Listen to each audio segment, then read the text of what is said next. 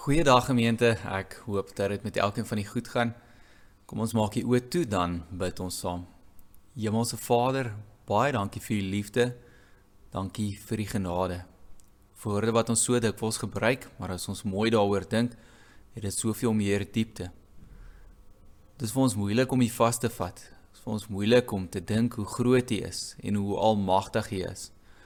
En partykeer wil ons maar ons eie weg en ons eie wil hê maar dan moet ons in nederigheid weer ons hoofde voor U buig en besef en erken dat U is die almagtige.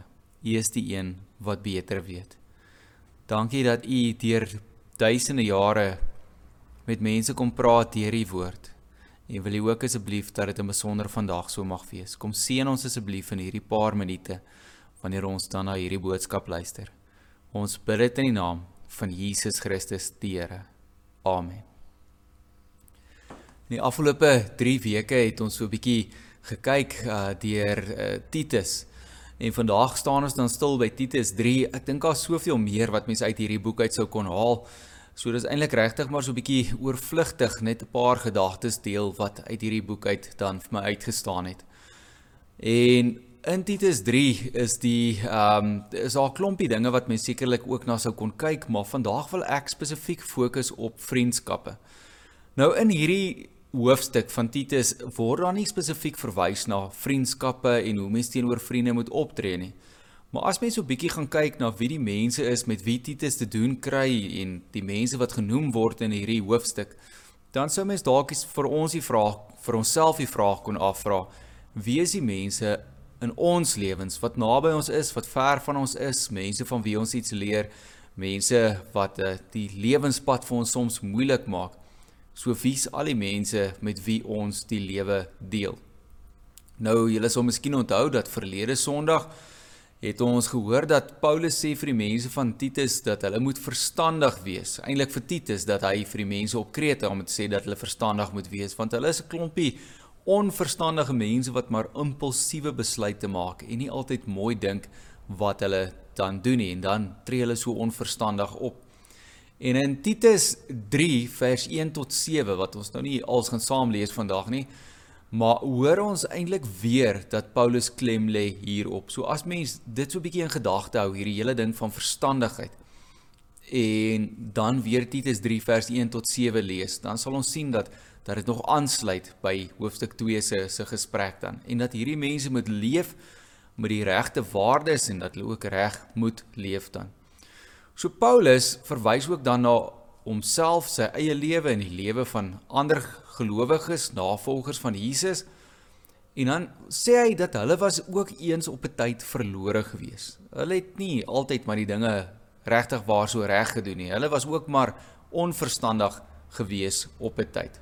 Vroer was hulle verlore, maar toe is hulle deur God gevind en is hulle verander.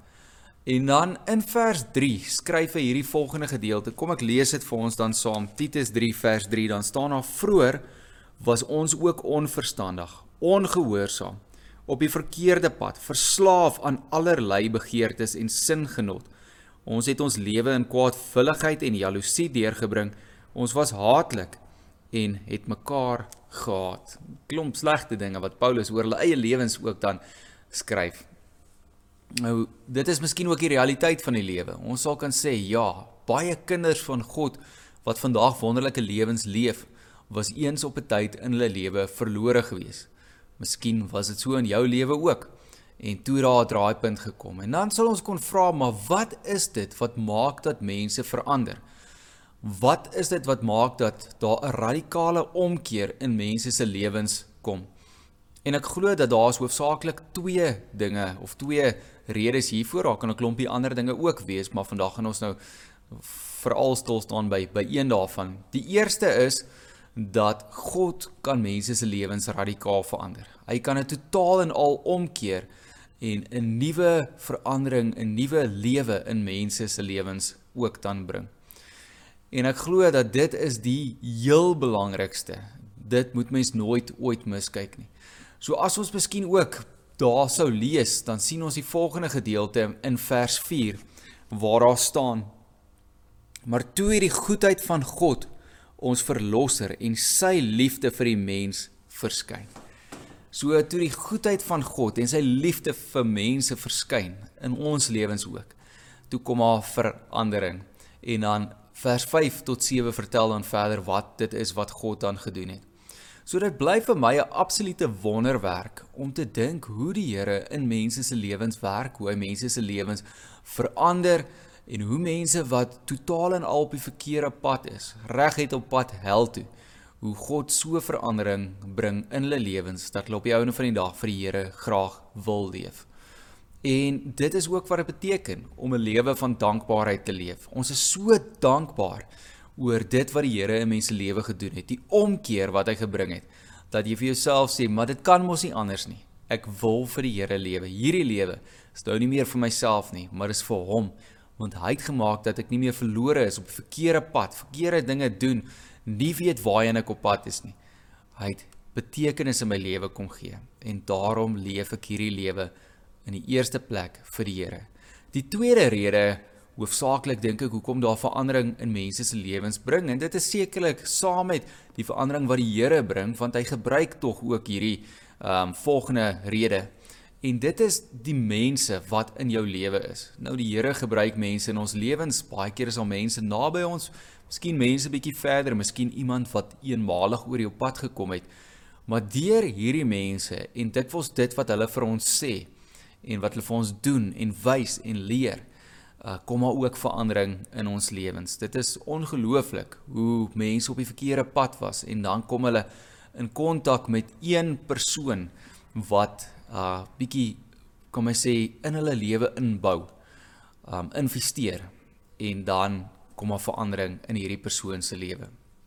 So wanneer ons dan nou die volgende verse gaan lees, uh, verse 8 tot 15, let dan bietjie op na wie is die mense met wie Titus in kontak kom hierso. Wie is mense wat hy moet vermy en die mense wat gehelp moet word en ons hoor so 'n bietjie van vriendskappe ook. So hoor spesifiek dan van van die mense. Dis waarna ons gaan kyk dan nou in hierdie volgende gedeelte. Dan staan daar Dit is 'n betroubare woord. Daarom wil ek hê dat jy hierdie dinge met groot nadruk moet getuig sodat die wat tot geloof in God gekom het, hulle op die goeie werk kan toelê, werk wat goed en nuttig is vir die mense. Maar jy moet jou nie inlaat met dwaase stryd vra, geslagsregisters en met getwis en gestryery oor die wet van Moses nie, want dit is nutteloos en sinloos. Met iemand wat na twee vermaanings nog skering veroorsaak, moet jy niks te doen hê nie. Omdat jy weet dat so 'n man op die verkeerde pad is. Deur sy sonde bring hy die oordeel oor homself. Sodra ek vir Artemas of Tychicus na jou toe stuur, moet jy probeer om na my toe te kom in Nikopolis, want ek het besluit om die winter daar oor te bly. Dis aan Paulus wat hier skryf, so hy skryf vir Titus dat as um, Artemas en Tychicus na hom toe gaan, dan moet uh, Titus dan nou weer teruggaan na Paulus toe en daar by hom spandeer as dit dan so kan kan kan gebeur. Dan van vers 13 af Doen ook jou bes om vir Senas, die regsgeleerde en Apollos voor te help op hulle reis en sorg dat hulle niks kort kom nie. Ons mense moet ook leer om met eerlike werk in die noodsaaklike lewensbehoeftes te voorsien. Dan sal hulle lewe nie onvrugbaar wees nie. Almal wat hier by my is, stuur vir jou groete. Gee ons groete aan die vriende in die geloof. Die genade sal by julle almal wees. So ons hoor van 'n klompie mense wat hierso genoem word. Dit voels ook so dat wanneer 'n brief so afgesluit word um in die in die Bybel, een van hierdie briewe wat gewoonlik dan maar deur Paulus geskryf word, dat um dat daar verwys word na al die vriende en die mense en vir wie daar almal groete gestuur ook dan moet moet word. Nou ons hoor dat selfs Titus nie sy tyd moet vermors met um mense wat hom kan aftrek in die lewe nie en om dit besig hou met allerlei argumente en geslagsregisters en 'n getwis en al hierdie strydvrae en goeters nie. Ons hoor dat hy vir Senas en Apollos moet probeer help op hulle reis vorentoe en ons hoor dan van mense wat vir Titus groete stuur en dan hoor ons ook dat uh Titus moet groete stuur vir die vriende in die geloof wat daarso by hom is. En dit laat ons nou besef dat Titus is mos nou nie regtig waar alleen daar nie. Hy's nie hierdie enkel persoon nie. Daar's ander mense wat hom ondersteun en dan's al mense wat by hom is, mense wat hy moet ondersteun. Daar's mense met wie hy sy sy pad gaan kruis op op hierdie um, lewensreis terwyl hy daarso is besig met die werk van die Here. En vandag wil ek dan vir jou vra, wie is die vriende in jou lewe? En hoekom is hulle jou vriende? Wie is die vriende in jou lewe en hoekom is hulle jou vriende? Nou, voordat ons 'n klein bietjie verder gaan kyk net na die mense hierso van wie ons gelees het ook, wil ek uh, die volgende mooi voorbeeld gebruik wat iemand so tyd gelede vir my gestuur het. Maar ek dink in hierdie lente tyd is dit eintlik so 'n mooi voorbeeld om om te gebruik. Um omdat dit gekoppel is, ook 'n beeld wat aan die aan die tuine gekoppel is. Ons sou kon sê dat ons kry verskillende tipes plante en soos wat ons verskillende tipes plante kry, kry ons ook verskillende tipes vriende. So kry mens groot skadubome of so ons ook kon sê boomvriende. En skadubome eh, maak baie skade wees soos wat ons ook dit dan hoor. Dit is al vir jare lank daar, dit is diep gewortel ook. En so kry ons hierdie vriende wat vir jare lank dikwels al daar is in ons lewe. Dis mense wat deur dik en dun by jou staan. Dit maak nie saak wat gebeur nie. Dis mense met wie jy jou hartsgeheime kan deel. Dis mense by wie jy kan gaan huil, kan afpak.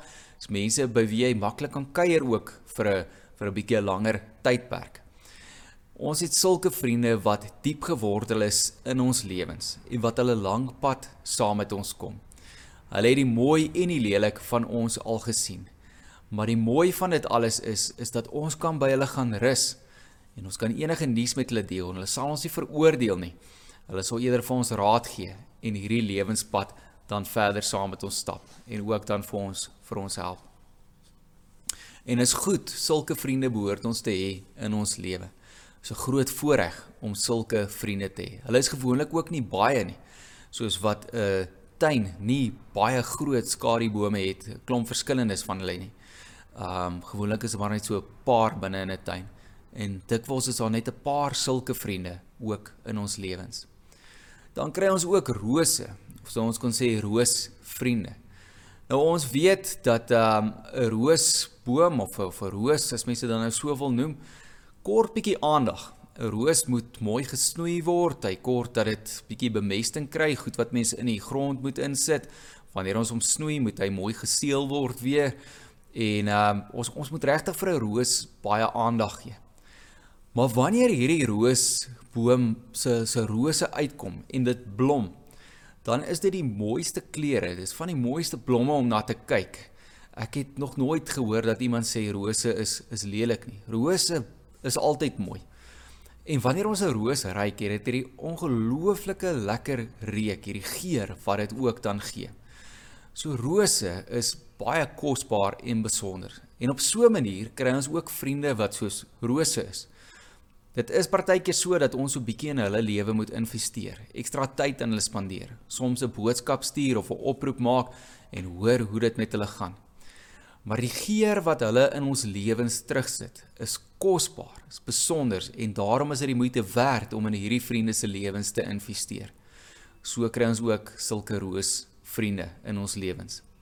Dan kry ons seisonale blomme. Ons kry hierdie blomme wat saaitjies gee en die saaitjies ontkiem, dit kom op en dit maak mooi blomme en is vir een seisoen daar en dan gaan die blommetjie plant eintlik maar dood, maar die saaitjie moet geoes word en weer teruggesit word in die grond sodat daar weer blommetjies kan kom. So dit is so 'n eenmalige of 'n een, seisoen vriend wat ons dikwels ook in ons lewens kry.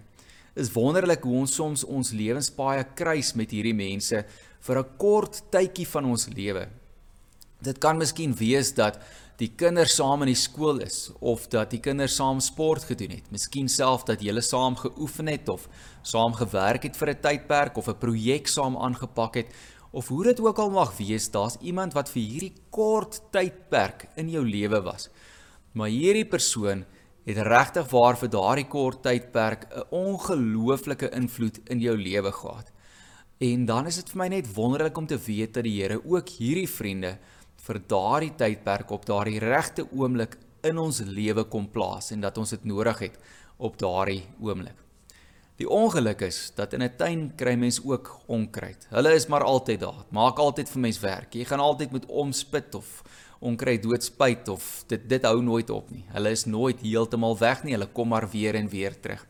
Net so in mense lewe is daar ook dikwels mense wat maar soos onkruid is. Mense wat jou aftrek in die lewe, mense wat jou besig hou met allerlei dinge wat voel dit dit neem jou energie en dit mors jou tyd en op die einde van die dag kom dit net net nêrens uit nie. En soms moet mens maar van sulke mense in jou lewe ontslaa raak. Want sulke mense is nie goed vir jou in jou lewe nie. Ons moenie sulke tyd vermors saam met sulke mense nie. Die sleg is dat dit is juis die mense wat gaan maak dat die veral die roosvriende en die seisonale blommetjies of seisonale vriende nie kan floreer nie. En daarom moet jy seker maak dat die onkruid is in jou lewe sodat jy ook regtig waar kan kan konsentreer en maksimaal die vriendskap put um uit uit hierdie wonderlike ander vriende wat ons ook dan het. Dat jy nie daai vriende op die ouene van die dag sou verloor nie. So ons kon so 'n bietjie gaan kyk ook na Titus 3 vers 8 tot 15. Wie is die mense van wie daar dan gepraat word? En hoe kan ons hulle koppel met hierdie beeld wat ons nou gehoor het oor die oor die tuin? Waar Paulus se naam word nou nie genoem nie, maar hy praat daarvan homself dat jy moet na my toe kom. Ons weet dat hy is die skrywer van hierdie brief. En Paulus, dink ek sou ons kon sê is soos hierdie boomvriend. Hy het vir baie van die mense in daardie tyd 'n geestelike leier geword. Kan so mense amper dalk kon sê 'n geestelike vader na wie toe hulle kon gaan en by wie hulle raad kon vra en wat baie ywerig was. Iemand wat eintlik daarso was en seker gemaak het, lyk dit nogals vir ons asof hy probeer het om goeie kontak te hou met met al sy ander vriende in die geloof, die geloofswerkers op die verskillende plekke reg oor die wêreld. Wanneer hy dan hierdie hierdie briewe ook aan hulle skryf. En en en Paulus is hierdie persoon wat in baie mense se lewens diep gewortel was. Hy was 'n geleerde man gewees met baie kennis, ywerig om vir die Here te werk. En mense kon maklik by Paulus se voete gaan sit en sê Paulus, ek sukkel. Help my, gee my raad. Wat moet ek doen? En ehm um, en daarom is hy hierdie persoon by wie mense hierdie amper in hierdie skaduwee kon sit, hierdie boom by wie jy voel jy kan gewortel wees en hy kan vir jou raad gee en hy kan vir jou help. So Paulus dink ek is daardie boomvriend gewees vir baie mense. In vers 15 hoor ons van uh mense by Paulus wat ook dan groete stuur en dan hoor ons ook dat Titus moet vir hierdie mense ook groete stuur um wat uh hulle geloofsvriende is ook daar op die eiland Kreta. En dit is mense op wie daar gefokus moet word. Dit is mense wat vir Titus kan help, dit is mense wat hom ondersteun, dit is mense wat geur in sy lewe gee. Besmoontlik sou ons kon sê dat hierdie mense was sekerlik ook soos die die roosvriende gewees vir Titus. Dis die mense wat regtig op daai oomblik daar moes wees en vir hom gehelp het vir 'n vir 'n langer tydperk terwyl hy daar gewerk het op op Kreta dan. So ons hoor dat hy nie alleen is nie, maar dat daar vriende is mense wat wel op 'n ander plek is na wie hy miskien verlang, maar mense wat na wat vir hom groete stuur en dan ook mense by hom self. En so is dit in ons lewens ook. Daar is van hierdie roosvriende wat op ander plekke bly in die land. Wanneer ons hulle sien en wanneer ons saam met hulle kan kuier, is dit wonderlik. Maar party van hulle is ook hierso by ons. En dan hoor ons in vers 13 dat hy moet vir Apollos en vir Zenas help op hulle reis om dan voort te gaan. En besmoontlik sou mens hierdie kon sien net as 'n een eenmalige gebeurtenis of iets wat nou nie baie dikwels sou gebeur nie. So hy moet vir 'n kort tydperk hulle help, mekaar ondersteun en dan gaan hulle voort op hulle reis. En hierdie mense sou mens kon sien as um die seisonale vriende of seisonaal blomvriende in um Titus se lewe wat vir daai oomblik daar was. Daar was sekerlik 'n klomp ander ook van hulle gewees, maar in hierdie teks sou ons so 'n bietjie na hulle op daai manier kon verwys. Maar laastens hoor ons ook in vers 9 tot 11 dat ehm um, Titus moet hom nie ophou met mense wat hulle besig hou met 'n gestryery en wat allerlei onnodige vrae vra en met geslagsregisters besig is nie. Hierdie mense moet Titus nie meer tyd vermors nie. En ons sou kon sê dat hierdie mense so maklik soos die onkruid in Titus se lewe eintlik dan nou uh, begin wees. Hulle sou maak dat hy sy fokus verloor en nie op die regte dinge fokus nie en nie op die werk van die Here fokus en op die mense by wie die boodskap moet uitkom en aan wie hy tyd kan investeer en hulle leer om ook verder te gaan met die werk van die Here hier op Kreta nie. So daar was ook hierdie gevaar van onkruid uh in Titus se lewe dan gewees. Dan dink ek moet vir onsself die vraag vra: Wie is die skadubome? Wie is die rose en wie is die seisonale blomme en die onkruid in jou lewe? Ons moet so 'n bietjie hieroor dink. Spreuke 27 vers 17 sê die volgende. Dit sê eyster slyp eyster en vriende vorm mekaar. So ons moet seker maak die regte vriende is in ons lewens om vir ons te vorm op die regte manier hoe ons graag wil hê dit moet gebeur. In Johannes 15 vers 9 tot 17 sien ons hierdie verskriklike mooi ding. En dit is dat Jesus met sy disippels praat, met die mense praat en dan noem hy hulle sy vriende. So ons ook kon sê hy noem ons sy vriende. En dan sê hy want alles wat hy van sy Vader gehoor het, leer hy ook aan ons. Maak hy ook aan ons bekend. Dit sien ons daar in Johannes 15 vers 15. En dan sê hy ook verder Jesus sê vir ons dat ons sal sy vriende wees wanneer ons doen wat hy ons beveel. Nou wat beveel hy vir ons? Hy beveel vir ons om in sy liefde te bly en hy beveel vir ons om sy opdragte uit te voer en om vir mekaar lief te wees. Dit sien ons in Johannes 15 vers 9, 10 en 12 en 17. So ons weet dat Jesus sê ons is sy vriende. Maar ons moet ook sy vriende wees, Jesus se vriende wees, deur sy opdragte uit te voer, deur vir mense te leer, deur vir mekaar lief te wees en deur in sy liefde ook te bly. Kies jou vriende goed, kies hulle mooi, koester hulle, spandeer tyd saam met hulle, die nodige tyd. En maak tyd vir die vriende wat jou reg vorm en wat inbou in jou lewe. Die mense saam met wie dit die moeite werd is om tyd te spandeer maar gaan wees ook 'n goeie vriend vir ander mense. Kom ons bid saam. Hemelse Vader, dankie dat wanneer ons die Bybel lees, dan sien ons dat daar was 'n interaksie oral in die verskillende tekste van die Bybel, verskillende verhale wat ons lees tussen mekaar. Nie net in hierdie gedeelte wat ons lees in Titus nie. En dan besef ons dat U het ons as mense so gemaak om in interaksie met mekaar te wees. U het vir ons vriende gegee. U het vir ons gemaak om vriende te wees vir ander mense. En help asseblief en besonder dan vir ons dat ons sal fokus op die regte vriendskappe. Dat ons sal fokus op die regte dinge om te doen binne in hierdie vriendskappe. En dat ons vir mekaar op so 'n manier kan vorm dat dit altyd ons lewens beter sal maak. Help asseblief vir ons in hierdie week om saam met kosbare mense op die regte manier tyd te kan spandeer. Al is dit miskien deur 'n oproep of 'n boodskap. Maar help asseblief vir ons in ons lewe vorentoe om seker te maak ons spandeer tyd saam met die regte vriende en om die onkruid uit ons lewe uit te kry en nie tyd daarmee te vermors nie. Dankie vir u liefde. Dankie dat ons ook weet dat u vir ons 'n vriend is en dat ons daaraan kan vashou. Wil u asseblief in besonder met ons wees en vir ons seën in hierdie week, vir ons veilig hou en mag dit vir ons 'n mooi week wees. Ons bid dit in die naam van Jesus Christus. Amen. Mag elkeen van julle 'n wonderlike week verder hê. Dit baie geniet en gaan dink bietjie oor hierdie vriende in jou lewe. Mooi bly. Totsiens.